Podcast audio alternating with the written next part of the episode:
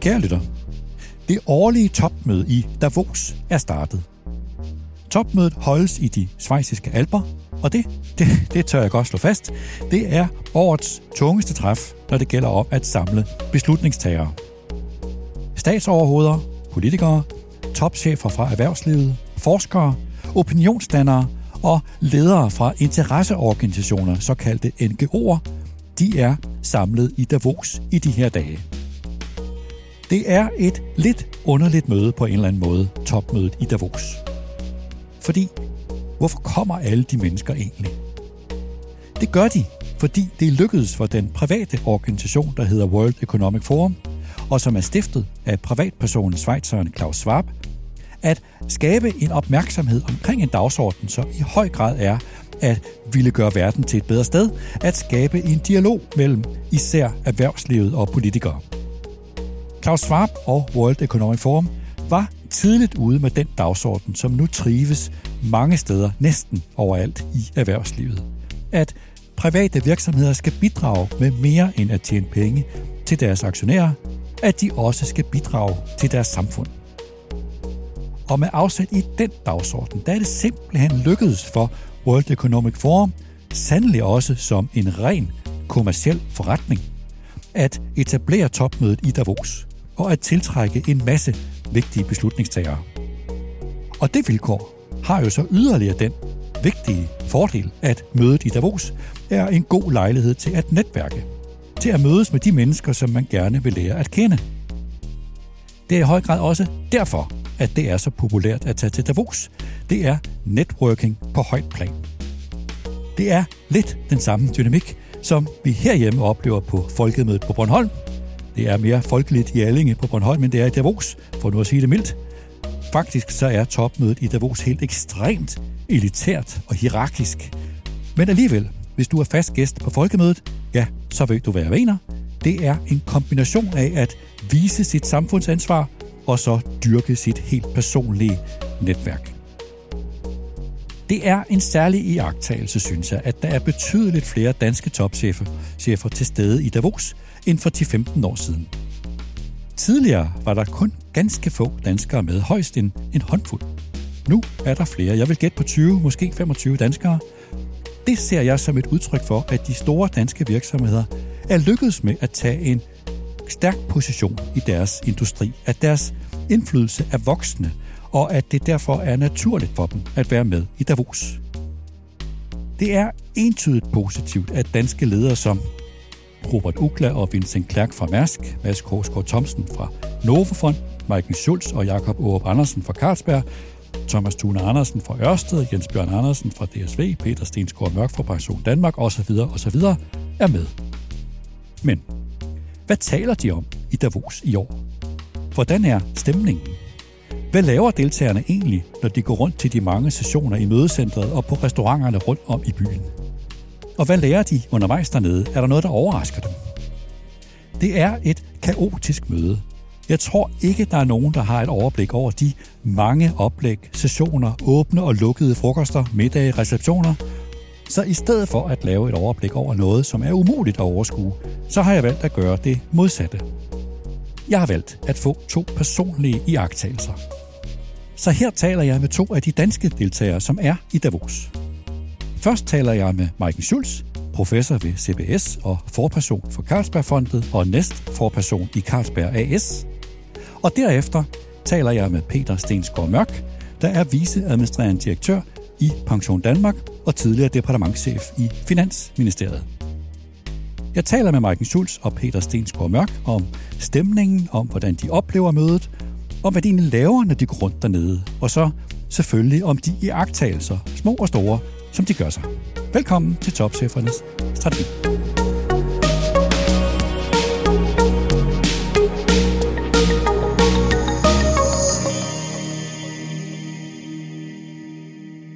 Marken Schulz, velkommen.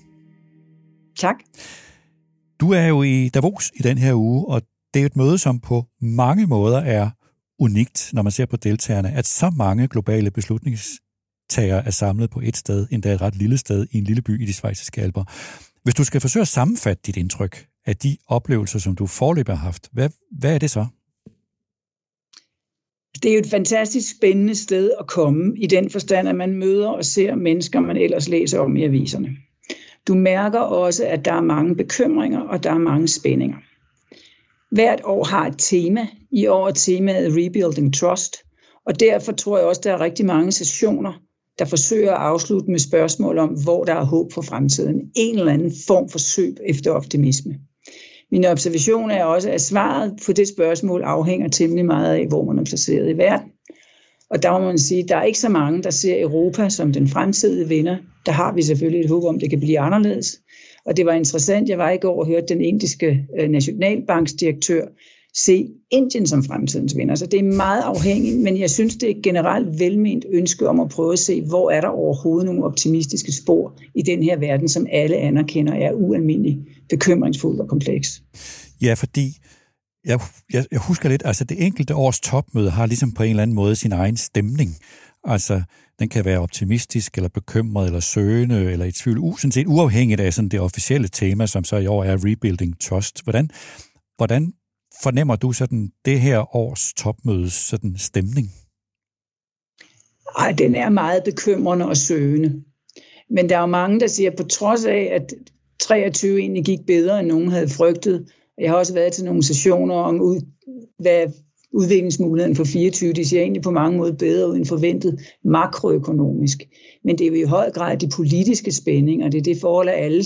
Der er så mange, der skal til valg i det her år. Hvad sker der i USA? Altså det er de store geopolitiske spørgsmål, der på den måde lægger en skygge over forummet. Når det så er sagt, så er der samtidig af AI det er det underliggende reelle tema i den forstand, at samtlige rådgivere og næsten alle temaer har en komponent af AI, altså den tro på fremtidens teknologi. Så den mest optimistiske session, jeg har været til, det var interviewet af den nye topchef, Pat Gelsinger øh, fra Intel med, med Swap. Han, sad, han sluttede med at sige, at han var så ked af, at han ikke var 20 år yngre, fordi han var sikker på, at de næste 20 år, de blev de mest grænseoverskridende positive i, om ikke menneskehedens udvikling, så i hvert fald i, i nyere historisk tid. Han havde en ekstrem teknologioptimisme. Og det kan man sige, det er måske det andet, den anden yderlighed, men ikke desto mindre er det jo nødvendigt og interessant at se, hvor optimismen kommer. Det er meget der, hvor man tror på, at man kan bruge de nye teknologier, hvad enten det er i klimaforandringer, eller det er sundhed, eller det er idéer at få, få mange ud af fattigdom. Men det er de store globale spørgsmål, der, der dominerer. Så det vil sige, at kunstig intelligens ikke bare er sådan i den danske debat, men i høj grad også i Davos, altså det er virkelig rykket op på dagsordenen? Det er en kæmpe debat. Og det er interessant, synes jeg, at den har flyttet sig. Nu er jeg ikke AI-ekspert, men jeg er bevidst gået til et par AI-sessioner, også for at blive klogere selvfølgelig. Men det er klart, der er et mindset, der hedder nu, nu har vi teknologien, den skal bredes ud, vi skal have løst de regulatoriske problemer, men vi skal også få nogle flere brugscases. Altså vi skal have delt alle de positive eksempler på, hvor man faktisk bruger AI. Og det er jo meget ofte i mikrouniverset. Altså så snart du kommer uden for de store tech-virksomheder, som der også er en vis skepsis overfor i nogle, i nogle dele af, af, af Davos sammenhængende, så er det fantastisk vigtigt at se, hvor bliver det brugt i mikrouniverserne, Hvad, og, og hvor, hvor kan man dele data, hvor kan man skabe den gennemsigtighed i forsyningskæder osv. osv. Men det synes jeg har været interessant, og det er øh, vigtigt, at man også kigger på alle de muligheder. Og det er klart, at for mig at se, så klimaforandringer er den største udfordring. Og derfor har det været opmuntrende at se de sessioner, hvor man går meget tættere ind i diskussionen af, hvordan klimaforandringer også kan afhjælpes gennem øh, AI. Vi har jo set en diskussion, synes jeg, her på det seneste, at, at omkring kunstig intelligens, at vi er sådan lidt på vej fra øh, fascination til, at alle er optaget af nu så faktisk at gøre det praktisk anvendeligt. Og det vil sige, det som du har jagtet øh, øh, i Davos, det er, at den her praksisanvendelighed og udbredelse af kunstig intelligens i høj grad også skal ske øh, lokalt. Ja, altså nu har jeg specielt, jeg har været til en del omkring fødevaresystemet, både fordi jeg er jo Carlsberg, og fordi vi har Carlsberg Laboratoriet, som lægger rigtig meget forskning på det område. Og det har været interessant at se, hvordan netop fordi AI har evnen til at håndtere så store datamængder i komplekse systemer, så kan du sige, når du begynder at arbejde med natur og landbrug og lokale fødevaresystemer, så er det hele ikke det samme. Og der er både diskussioner om klimaresistente råvarer, om vandforbrug, om registrering af mikroklimaforandringer. Øh, så det var meget interessant i den alliance at se, hvordan man, man kunne se, man, altså datakraften og dataevnen, øh, som AI tilbyder, i virkeligheden giver mulighed for at lave de lokale løsninger, der er brug for, specielt når vi taler om fødevare og fødevaresystemer. Og det var meget, jeg sad øh, ved bord med Vattenfall, øh, og det var sådan en meget sjov historie, hvor han snakkede om, at vi har været meget skeptiske med rette om ansigtsgenkendelse med mennesker med AI. Men de her, når de laver vandkraft, udfordring med, hvordan laksen skal komme tilbage til sine gydesteder. Og så sagde han, at de havde gode erfaringer med at bruge ansigtsgenkendelse for laks, fordi de kunne få en fornemmelse af, om laksen nu vandrede så langt, som den skulle, for at lave kan du sige, de naturbaserede løsninger, som man jo kalder det. Og der har også været masser af spørgsmål om, hvordan, hvordan lokale landbrug øh, kan dele data. Så mit, mit, min tanke var jo, det er jo spændende at høre, hvordan dansk landbrug egentlig bruger AI, hvordan man ser for sig, at man kan bruge AI til at finde nogle af de løsninger, som alle jo er enige om, man skal finde. Så på den måde er fuldstændig ret, at man er træt af at høre om, hvad, hvad tech-giganterne kan, eller det er, det er interessant at høre, hvad tech-giganterne kan udbyde, og tænkerne, men det er først og fremmest nu, der er behov for at sige, hvor er det så, det kan gøre en forskel.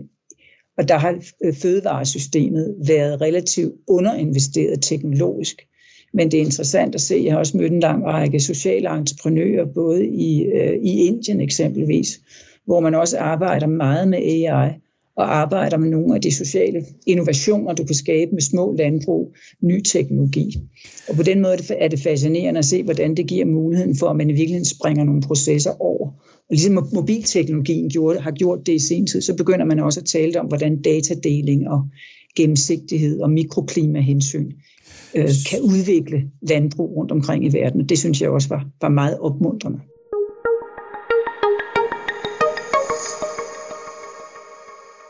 Så kunstig intelligens, klimaudfordring, fødevare er i høj grad en, en erfaring, som du har gjort dig i Davos. Hvis man skulle spørge sådan lidt mere ind til, hvad foregår der egentlig i, i Davos? Altså når du går rundt de her dage, så er der jo et hav af forskellige sessioner og møder og frokoster og restauranter åbne og lukkede osv. Hvordan, hvordan kan du give et kig ind i dit personlige Davos-program?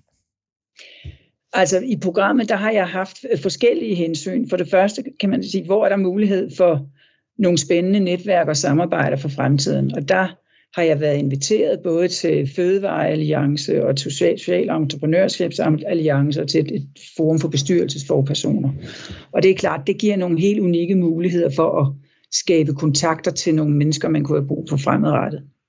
Så er der også en mulighed for at lære noget nyt. Altså jeg er ikke AI-ekspert eksempelvis. Det fylder rigtig meget hernede, og derfor har jeg også bevidst valgt nogle sessioner.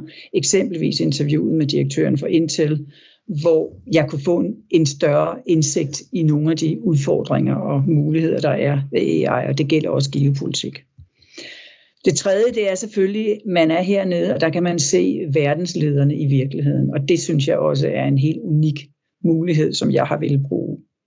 Og det fjerde, jeg godt vil understrege, det er, at når man er til de her forskellige sessioner, så sidder man tit øh, ved et rundbord, eller man sidder ved et lille lokale, og det er god toner, man taler med dem, man sidder ved siden af.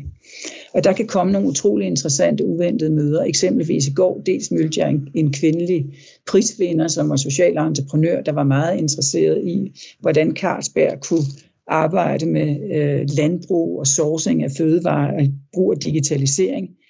Jeg sad også til et, et møde med, en, der var en frokost med den indiske nationalbankdirektør, hvor jeg sad ved siden af en saudiarabisk familieejet virksomhed, som var meget klar til at lave samarbejder i den del af verden. Og jeg har mødt øh, kunstnere, der var interesseret i, som kunne være interessante for Ny Carlsbergfondet, som laver nogle helt fantastiske digitale installationer, som også er hernede. Så det er blot for at sige, man skal også, det er også meget med, man får mere ud af det som alle andre konferencer, når man kommer med et mindset, hvor man taler med de folk, man pludselig bomber ind i. Og hvad der kommer ud af det, det ved jeg ikke, men jeg har da samlet en masse visitkort, og jeg har også tænkt mig at vende tilbage. Men det synes jeg også, man skal have mulighed for. Og det er klart, der er nogle danske ledere, de, de, de er lidt præget af, at de kun har bilaterale møder, altså at det er ren netværking. Det er også klart, og det er klart, det er effektivt, og der er jeg mere privilegeret, for jeg kan også tillade mig det andet. Men jeg synes, det er en enestående mulighed for os at få en fornemmelse af, hvad der sker i verden, og blive klogere. Så det handler om, om netværk, om læring, om at opleve de her verdensledere live, og også om det, som du vil kalde uventede oplevelser. Jeg er jo, må jeg indrømme, lidt nysgerrig. Altså, når du oplever de der verdensledere, altså, kan du simpelthen sætte nogle ord på, hvordan, hvordan forskellen fra at se dem på nettet, eller i tv, eller hvad det nu er, og så se dem live, kan du sætte ord på, hvordan du, du oplever de her mennesker? Altså generelt, så synes jeg, at de er klogere, og de er mere reflekterede, og de brænder stærkere igennem, end man overhovedet er i stand til at formulere, eller se igennem en fjernsynsskærm. Det er nok ikke så overraskende, men de er meget, meget indsigtsfulde. Det er også en mere, som lytter, er det mest interessant at høre samtalen. Og Anthony Blinken øh, fra USA, han blev interviewet af Tom Friedman, som er udenrigsredaktør på New York Times, i tre kvarter. Og det var simpelthen en tour de force i geopolitik hvor du starter med Gaza og over Ukraine og Indien og USA, Kina og ender med AI og SDG-mål. Men det var utrolig interessant at høre, hvordan Blinken både bevarer overblikket og troen på fremtiden, fordi Friedman prøvede hele tiden at få ham til at sige, at det ikke er den sværeste situation i verdenshistorien, og det er ikke det vanskeligste job i verden. Og der var det interessant at se, Blinkens helt eminente evne til at komme med formuleringer, som konceptualiserer hans øh, indtryk af verden. Og også hans påpegning af den største risiko for ham, det er en dehumanisering af verden. Det er, at man faktisk ikke længere tænker i, i enkelte menneskeliv, men får en meget instrumentel forhold til sin omverden. Han sagde også, at, og det hæftede jeg mig ved, uh, I don't do politics, I make policies. Og det var interessant, fordi han er udpræget manden, der skal skabe løsningerne. Han skal prøve at se en vej fremad, hvor med hver gang Friedman prøvede at få ham ind i sådan det amerikanske valg, eller hvad sker der nu med Taiwan, så var han meget god til at prøve at konceptualisere mulighederne på et højere abstraktionsniveau, om man så må sige. Og øh, det synes jeg var, var spændende. Ursula von der Leyen var også stærkere. Altså hun var jo, hun var på valg, og og det vil sige, hun havde selvfølgelig ikke overraskende den stærkeste tro på et fremtidigt Europa. Men jeg synes, i et Davos, hvor Europa jo godt, eller næsten altid kommer lidt i klemme mellem USA og Kina, og nu også Indien, der har vi også brug for, ikke mindst som europæer, at tro på, at der er et stærkt fremtid for Europa. Jeg var faktisk også til en session om enlargement of Europe, hvor Selvfølgelig handlede det om Ukraine-medlemskabet, men også om Montenegro og, og en lang række andre lande. Det var også meget interessant at høre hende. Og så vil jeg sige, Zelensky kom også, og han var den eneste, der fik et langt stående bifald. Jeg havde det privilegie også at høre ham, da han var i København sidst med F-16-flyene. Og han var, han var skarpere, han var mere aggressiv over for Putin, og han tog os langt længere ind i krigens maskinrum, om du vil. Og selvfølgelig er det også, fordi hans situation er mere desperat. Det er også mere påkrævet med alt det. Det ved øh, vi alle sammen, at, at der er alle de udfordringer med, at han skal have den støtte, han skal. Men det, det var en meget stærk tale. Og, og selvfølgelig kvitterer forsamlingen også med det. Men hvis jeg sådan skulle pege på, hvad der var det mest interessante, så var det nok samtalen. Og det er simpelthen fordi samtalen, det ved journalister jo, at der kommer man lidt længere ind i øh, refleksionsrummet, end hvis det bare er en forberedt tale. Jeg hørte også den kinesiske premierminister i øvrigt, som holdt en, en, en forberedt og også meget interessant tale, og jeg kan sagtens forstå, fordi at kineserne er fantastisk dygtige til også at vise, hvordan de vil række ud til verden. Men det, du taler om refleksionsrummet, for eksempel i forhold til øh, Blinken, altså det jeg også hørt dig sige, det er, at, at en, en person som Blinken er det, han er god til, ud over det her med at tænke i løsninger, det er også det her med, at i noget, som jo er mere komplekst end nogensinde, så at, at uddrage, hvad skal vi sige, pointerne i det. Altså det, det er en evne, som en person som Blinken har. Det er sådan noget, man oplever også ved at overvære sådan en samtale i Davos. Altså man begynder at sige, at det er ikke helt tilfældigt, han sidder der, hvor han sidder. Fordi han har en eminent evne til også at være imødekommende og, frem, og positivt orienteret. Altså at man kan bevare positivt mindset. Han talte om powerful beings of light, sådan som verden er. Det er dybt imponerende. Og også kan man også sige, det er også dybt nødvendigt. Men den evne har han, og så gør han det med en elegance og en, og en klarhed, som er interessant. Det var også lidt sjovt, at han sluttede med at citere Churchill, da Friedman blev ved med at få ham til at sige, er det ikke utroligt hårdt det her? Og så sagde han, when, when going through hell, keep going. Et berømt citat fra Churchill fra 2. verdenskrig. Men det var interessant, at han, at han, at han også øh, viste den form for overblik og historisk bevidsthed. Og så, øh, Martin Schultz, når vi taler om det uventede, så har du også haft en royal oplevelse. Ja, jeg skulle til, som den klimaforskeren i mig, skulle ned i et metaverse, som er skabt, hvor de forskellige tipping points af klimaet er lavet i et digitalt univers. Der var kun 13 mennesker i sådan en session, hvor du sidder med, med, med briller på og det hele. Og den første person, jeg hilser på, det var før jeg overhovedet får brillen på, det er prins Albert, den anden af Monaco. Og jeg tænker, nå, det var da interessant. Og så der taler jeg faktisk ikke mere, men hilser bare, som man jo gør, når man kun er 13. Og når vi så er kommet ind i metaverset, som er en fantastisk oplevelse omkring permafrost, men så viser det sig dels, at hans fond har været øh, vigtig i at gøre den her digitalisering mulig. Og så er det en samtale, øh, jeg vil ikke sige rundt om bordet, men, men sådan bilaterale samtaler om, hvordan man arbejder om klimaforandringer øh, i forskellige steder, og også hvordan man øh, som fond, jeg repræsenterer i den sammenhæng også en fond, er med til at støtte klimaforskning. Og det vil jeg sige, det havde jeg ikke forestillet mig. Jeg havde forestillet, og det var jo, der var også NGO'er øh, til stede, og folk, der på forskellige måder arbejder med klimaforandringer. Men det var interessant, nu i lyset af et, tronskifte, hvor man ved, hvor lang afstand der er til de kongelige på godt og ondt, så var det lidt uventet, og han var meget passioneret omkring det, og har brugt rigtig meget tid på Arktis, og åbenbart arbejder meget med Arktis, og selvfølgelig med havmiljø, fordi det er også noget af det, de arbejder med i Monaco. Men sådan en samtale, sådan en samtale, hvor det er jo selvfølgelig super sjovt at møde en, en prins Albert, den anden af Monaco, det forstår jeg godt, men sådan en samtale, hvor meget forskellige mennesker, men jo alle sammen på ret, ret højt niveau, sætter sig sammen, giver det, hvad skal vi sige, en anden energi eller nogle andre vinkler, end hvis det var en mere sådan almindelig samtale, som vi kender den andre steder fra, fordi det nu er i Davos? Altså det giver den energi, at man bliver så utrolig overrasket over, hvor mange spændende ting, der sker rundt omkring i verden. Og med al respekt, så er min verden meget øh, vesteuropæisk på rigtig mange områder. Vi laver fondsuddelinger i Danmark, og i går aftes ved middagen, så sidder jeg ved siden af en marokkansk sportsstjerne, som har brugt sit liv og sit brand til at lave en kæmpe fond for børn og sport og uddannelse i, i Marokko. Og med den passion, som kun grundlæggere kan have. Og det er, du får en fornemmelse af, hvor vigtigt det er at blive ved med at skabe noget nyt. Og den energi, der er i dele af verden, ligesom den indiske entreprenør, jeg, jeg mødte, det er dybt fascinerende, og det giver meget håb for os. Det giver meget, meget håb for fremtiden, at der er den store energi, og det kan vi godt nogle gange savne herhjemme, men det får man også på en, på en meget direkte måde her, fordi man faktisk kommer i personlig dialog med nogle helt andre mennesker, end det man normalt har mulighed for at møde. Mark Schulz, tusind tak, fordi du vil være med fra øh, Davos. Selv tak.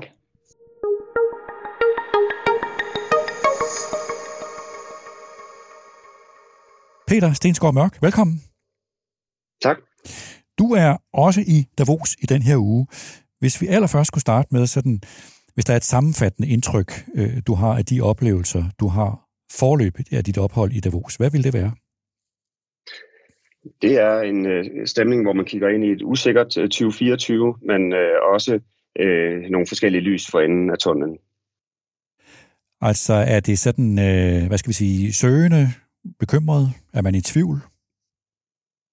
Ja, jeg tror, man kan sige, at, at øh, hvis du spoler et år tilbage, så var der altså ren øh, bekymring og, øh, og en klar forventning om, at øh, man kom ikke ud af, af problemerne med inflationen uden en øh, uden en øh, ægte recession. Øh, og der er billedet mere nu en tro på en øh, blød landing, en, øh, en øh, blød landing, hvor man også skal begynde at, at sænke renterne lidt her i øh, 2024, og at øh, arbejdsmarkederne kommer øh, stærkt igennem. Og, og så er der også øh, et andet lys for enden af tunnelen, som har fyldt en del hernede, og det er øh, AI, som, øh, som der virkelig knyttes øh, store forventninger til, kan give øh, mere strukturelt et, øh, et, øh, et, et grundlag for vækst i de kommende år. Vi kommer tilbage til, til nogle af de ting. Omkring sådan, hvad skal vi sige, den europæiske økonomi øh, mm. og udsigterne for sådan, ikke bare den globale økonomi, men særligt for den europæiske økonomi. Hvordan fornemmer du stemningen omkring den?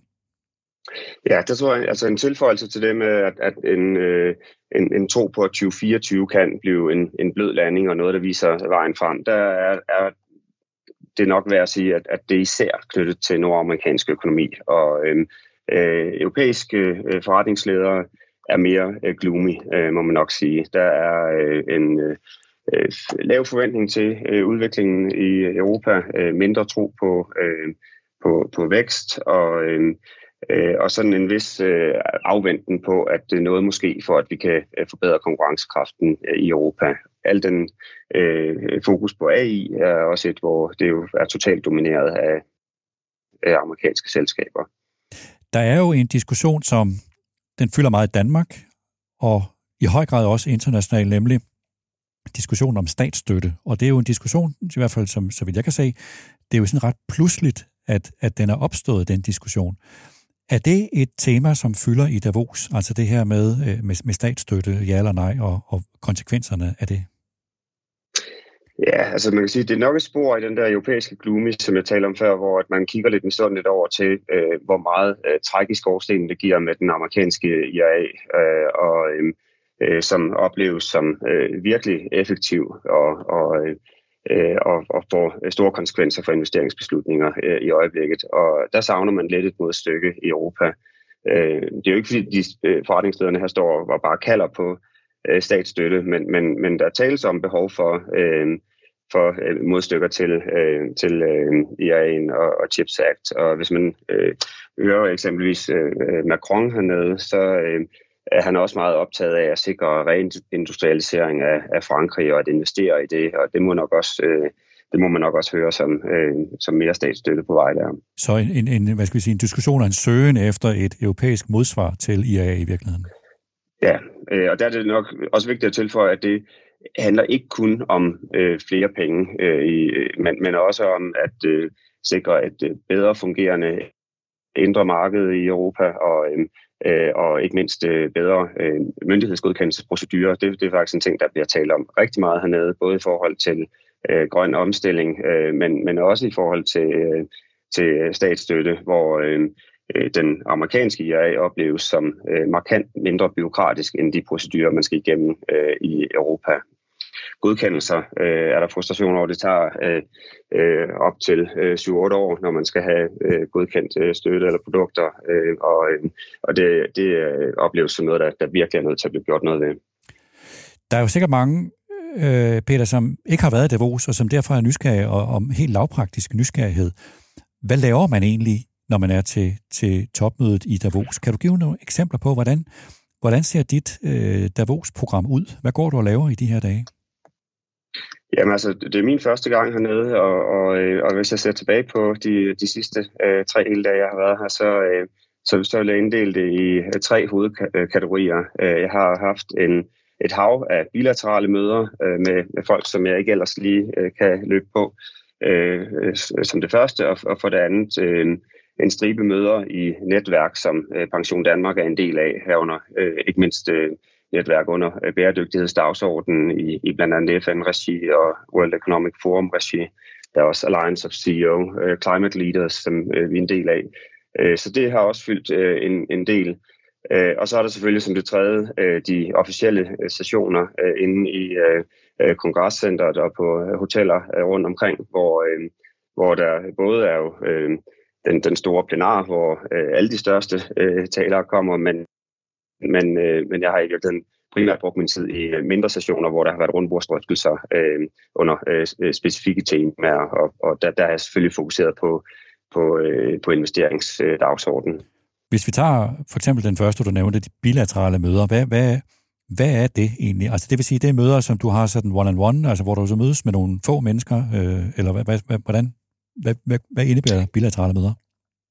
Jamen det er øh, øh, en-til-en møder med øh, øh, samarbejdspartnere inden for den finansielle sektor, eller potentielle samarbejdspartnere, og, og det er jo investeringsbanker, øh, øh private equity funds øh, øh med videre, og, øh, og de er til stede hernede på allerhøjeste niveau, og, og øh, Øh, og, og derfor kan jeg møde med, med de, øh, nogle af de største institutioner der på, på CEO-niveauet, øh, eller niveauet lige derunder, og, øhm, øh, og så kører man øh, med effektive øh, halvtimesmøder, øh, hvor der ikke bliver øh, altså aftalt noget endeligt eller lukket nogen ting, men, men øh, man bliver skabt en kontakt og, og afsøgt øh, øh, fælles interesser og, og, og skabt et grundlag for opfølgning. Øh, øh så det, det, det er institutioner som øh, øh, Standard Poor's, øh, JP Morgan, øh, KKR, øh, den slags, øh, altså både investeringsbanker og, og fund managers. Hvad taler I om?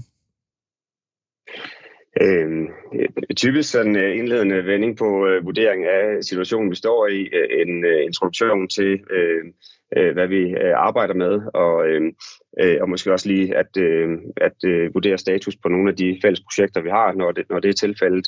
Øh, og så ellers øh, jo sådan et helt øh, overordnet sådan øh, prøven af, om, om der kunne være fælles interesse for øh, videre samarbejde. Så øh, for nogle af de institutioner, som jeg nævner der, så, så slutter møderne i noget, der er en, en art øh, salgspitch fra deres side, øh, og hvor de, de afsøger, hvad kunne være interessant for os. Så det er også det, som Davos handler om, altså at man i jeg vil ikke sige kulissen, men altså at man, man mødes, man udnytter, så at sige, at alle beslutningstagere, så at sige, er til stede samme sted, og så kan man lige så godt udnytte den adgang, man har til hinanden.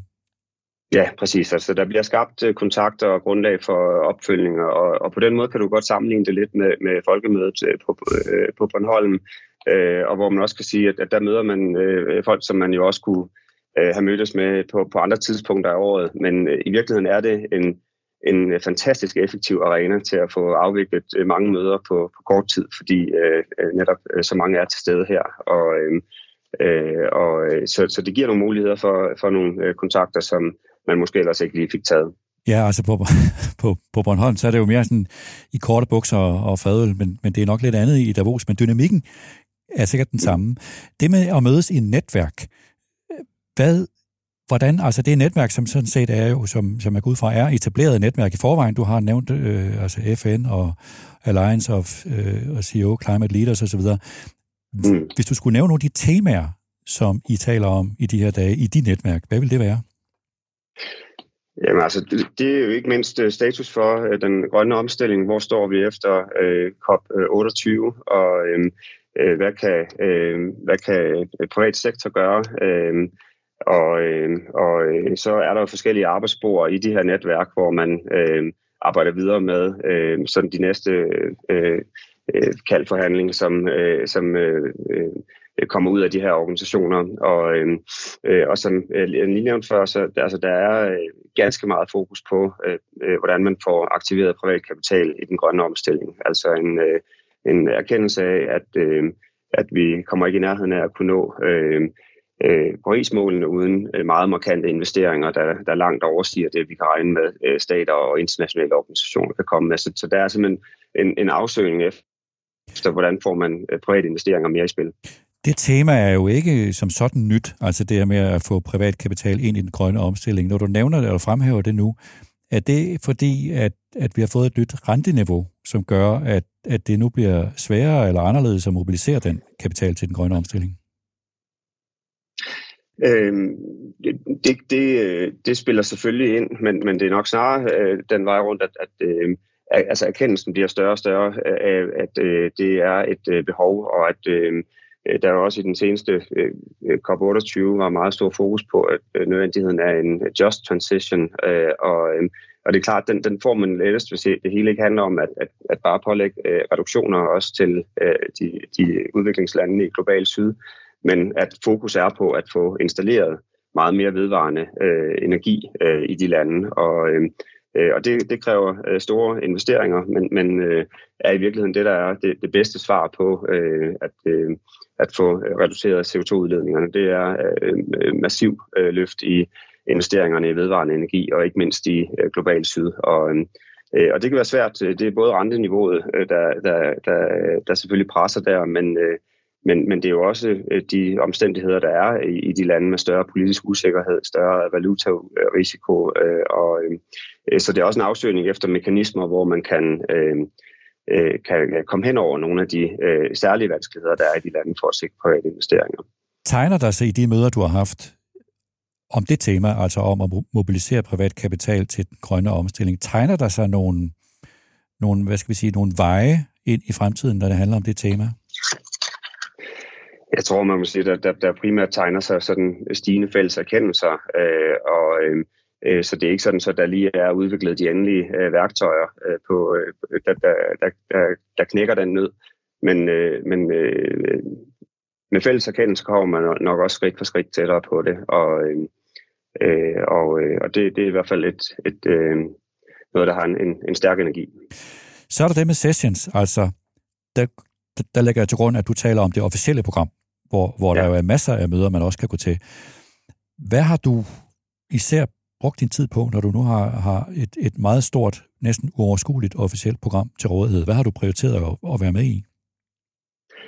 Øh, især øh, øh, sessions, der, øh, der rører ved øh, investeringsmarkedet og, og vurderingen af, hvor det peger hen. Øh, øh, og der er særlig interesse for øh, øh, investeringer i de unoterede markeder, altså private equity og, og status for det, fordi øh, det, det har med øh, det højere renteniveau og, øh, og, og sådan øh, ringere forventninger til øh, økonomiens udvikling har skabt lidt en krise ind på det marked, må man sige. Og, og det har jeg været interesseret i at prøve at komme lidt nærmere, hvad, hvilke veje de, de kan se ud af det. Kan du give nogle bud på, hvilke veje de så, de så hvis du skulle prøve at sige, hvilke veje er det, der, der tegner sig? Ja, altså jeg tror, man må sige, at, at, at stemningen i de rum er, er faktisk ret øh, negativ. Øh, der er en erkendelse af, at øh, at øh, øh, den model har, har levet godt af meget lave renter de sidste 10 år, og, og det nok også har været altså en, øh, en, øh, en, en måske nærmest lidt for let fest, øh, og, og nu bliver det sværere. Øh, og, og hvis man så skal lede efter svarene i det, så må man sige, at, at, øh, at øh, det handler om, at de, de modeller så skal altså mere ind til kernen igen i at, at skabe øh, øh reel værditilvækst i, i de virksomheder, man, man, man køber og bearbejder og, og, og skal sælge videre øh, og at øh, det i mindre grad er finansielle instrumenter, og det at, at øge for eksempel øh, belåningen, som har drevet øh, meget af de skabelsen, der, der, der, der kan trække den øh, i de kommende år. Det lyder som, jeg ved godt, det er noget, som bekymrer mange, men måske er det virkelig også en sund udvikling, at, at man kommer tilbage til fokus på, sådan, hvad skal vi kalde det, den reelle værdiskabelse. Ja, det, det, det kan det måske godt være.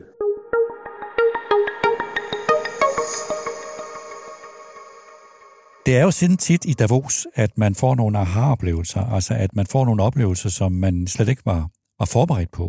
Har du haft nogle aha-oplevelser i, i Davos? Øh, jeg synes, det var en øh, stor, stor oplevelse at, og, og sådan suge det samlede indtryk ind her og, og, og prøve at bearbejde det. Øh, øh, det var lidt en aha-oplevelse for mig med den øh, altså negative europæiske stemning, der var. Og, og øh, Øh, og den, den fik jeg særligt ved et øh, øh morgenmadsmøde, som øh, McKinsey havde arrangeret med en, en række europæiske topchefer og, og, og deres egen øh, europæiske CEO. Og, øh, øh, og der har de så taget øh, øh, Enrico Letti, der er den tidligere øh, italienske premierminister med. Han øh, arbejder på at øh, lave en rapport til EU nu om forbedringer af det indre marked, og øh, øh og, og øh, er, er tæt på at færdig med den, som, som jeg forstod det også, og skulle ligesom afleveret nogle af sine øh, overvejelser der og, og skulle suge indtryk til sig. Og, og der må man sige, at øh, det var godt nok øh, en, øh, en øh, negativ stemning, øh, de kom med der. Det var øh, altså øh, CEOs fra, fra større europæiske øh, firmaer med, med produktion, og, øh,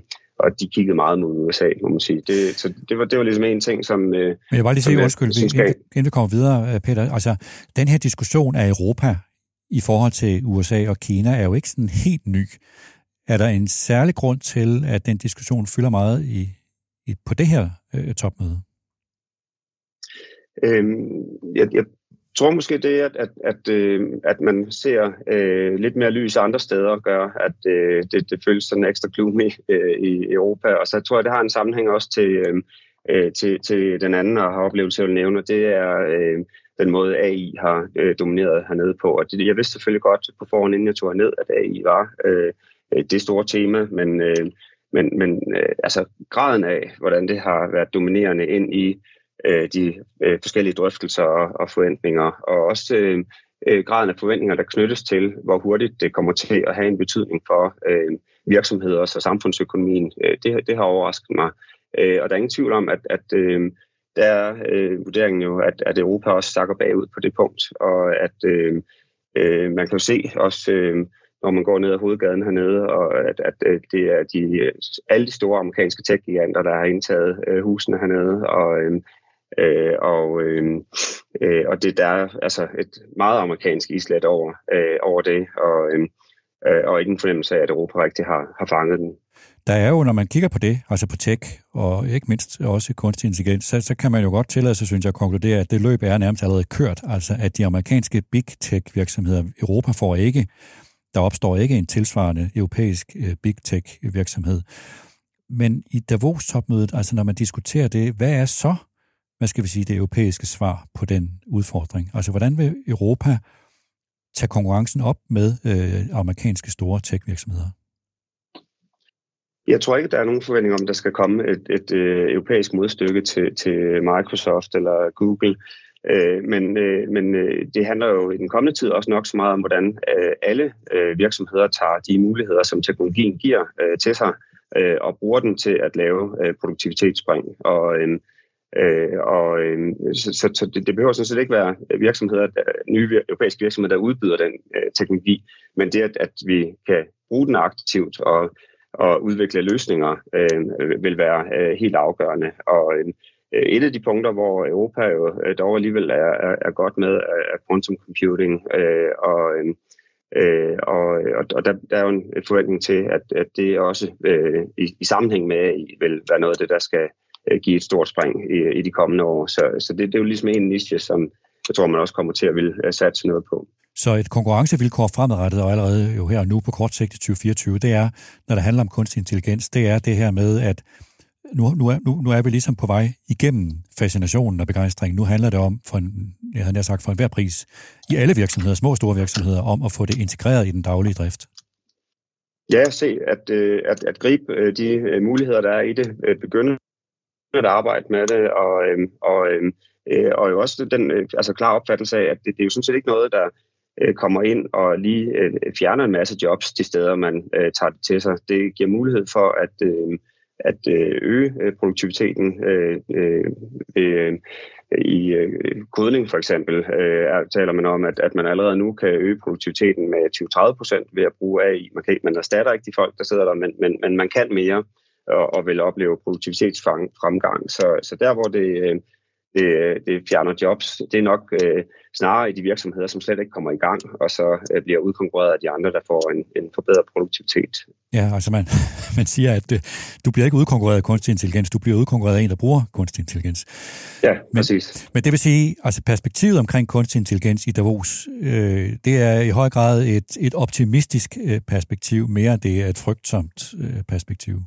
Måske ikke overraskende, når nu det er Davos, kan man sige. Ja, helt klart, og, og, og jo sådan en øh, øh, altså stor forventning til det, en, en, øh, en øh, også, øh, øh, hvad skal man sige, øh, øh, utålmodighed for at komme øh, ud over øh, stæberne med det, og, og, og nogen taler jo om det, jeg var til en station, hvor øh, overskriften var, at øh, det var dampmaskinen i den fjerde industrielle revolution, øh, så øh, det, det bliver set som noget, der øh, ligesom det spring, internettet har, har givet os, vil, øh, vil, vil give et nyt øh, produktivitetsspring øh, frem i, øh, hvad, hvad virksomheder kan. Peter Stensgaard Mørk, tak fordi du var med. Selv tak.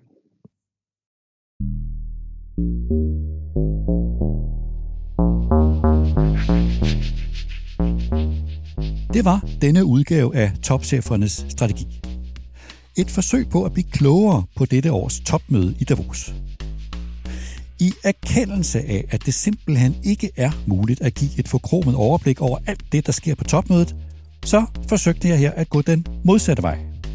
At få nogle personlige iagttagelser, at forsøge at give en fornemmelse af, hvad det er, der sker i topmødets virvar. Hvis jeg alligevel skal forsøge at trække en iagttagelse ud af det, som Michael Schulz og Peter Stensgaard Mørk fortæller om, så lægger jeg mærke til tre ting. En stemning, som er præget af usikkerhed. Mindre usikkerhed, mindre pessimisme end sidste år, men stadig usikkerhed. Og særligt en bekymring for Europas situation og konkurrenceevne i forhold til USA og Kina.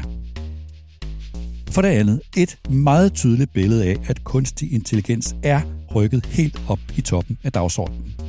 At der er meget store forventninger til kunstig intelligens, at der er et stort drive nu, hvor opgaven er at gøre kunstig intelligens praktisk anvendelig, at få kunstig intelligens gjort operativ, og at evnen til at gøre det kan vise sig at blive ret afgørende for den enkelte virksomhed og også det enkelte lands konkurrenceevne.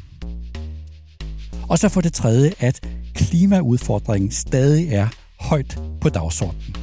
At selvom geopolitik og kriser rundt om i verden, og også kunstig intelligens, præger nyhedsbilledet i de her måneder, så har klimaudfordringen stadig en afgørende høj prioritet.